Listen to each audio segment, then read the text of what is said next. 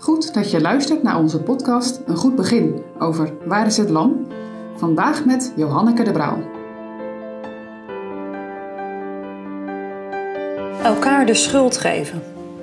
We lezen met elkaar Genesis 3, vers 12 en 13. Toen zeide Adam: De vrouw die gij mij gegeven hebt, die heeft mij van die boom gegeven en ik heb gegeten. En de Heere God zei tot de vrouw: Wat is dit dat gij gedaan hebt? En de vrouw zeide: De slang heeft mij bedrogen en ik heb gegeten.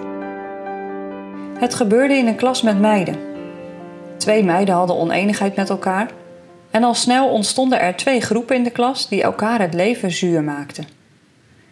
Het werd zelfs zo erg dat ouders naar de mentor belden, want sommige meiden wilden niet eens meer naar school toe. De mentor probeerde uit te zoeken wat er nu precies was gebeurd, maar daar was geen beginnen aan. De beschuldigingen vlogen over en weer. Er werd niet naar elkaar geluisterd en al helemaal niets opgelost. De mentor besloot er een einde aan te maken door een spreekverbod op te leggen. Er mocht niet meer over de oneenigheid gepraat worden. En zo keerde na een tijdje de rust weer terug in de klas. Ja, zeg je, dat is typisch iets voor meiden. Gelukkig heb ik daar geen last van. Nou, ik denk dat we, als het hierom gaat, allemaal onze eigen ervaring wel in kunnen vullen. Denk maar aan die ene keer dat je zo zagrijnig was en de ander de schuld gaf van alles wat misging.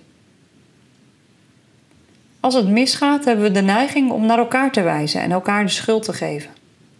En dat is zo makkelijk, want als je de ander de schuld geeft, hoef je jezelf niet te veranderen.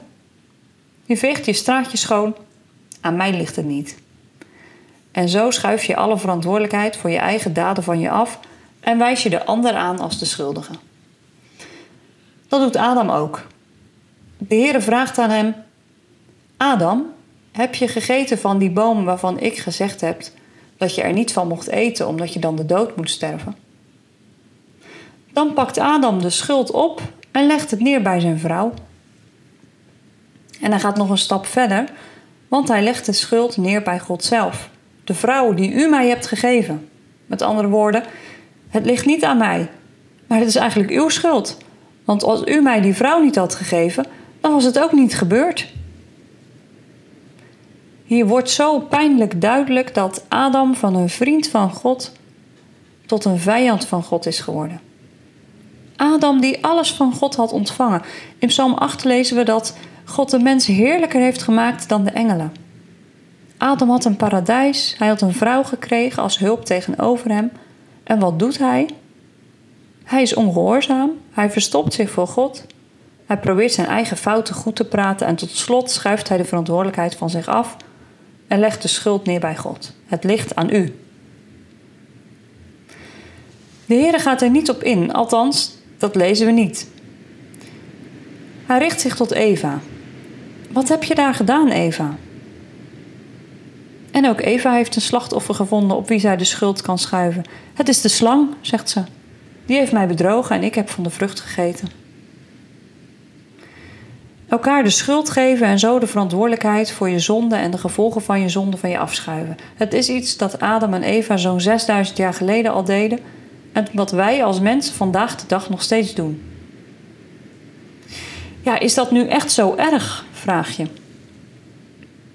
Ja, zegt de apostel Johannes in zijn brief. Als wij zeggen dat wij niet gezondigd hebben, maken we God tot een leugenaar en zijn woord is niet in ons.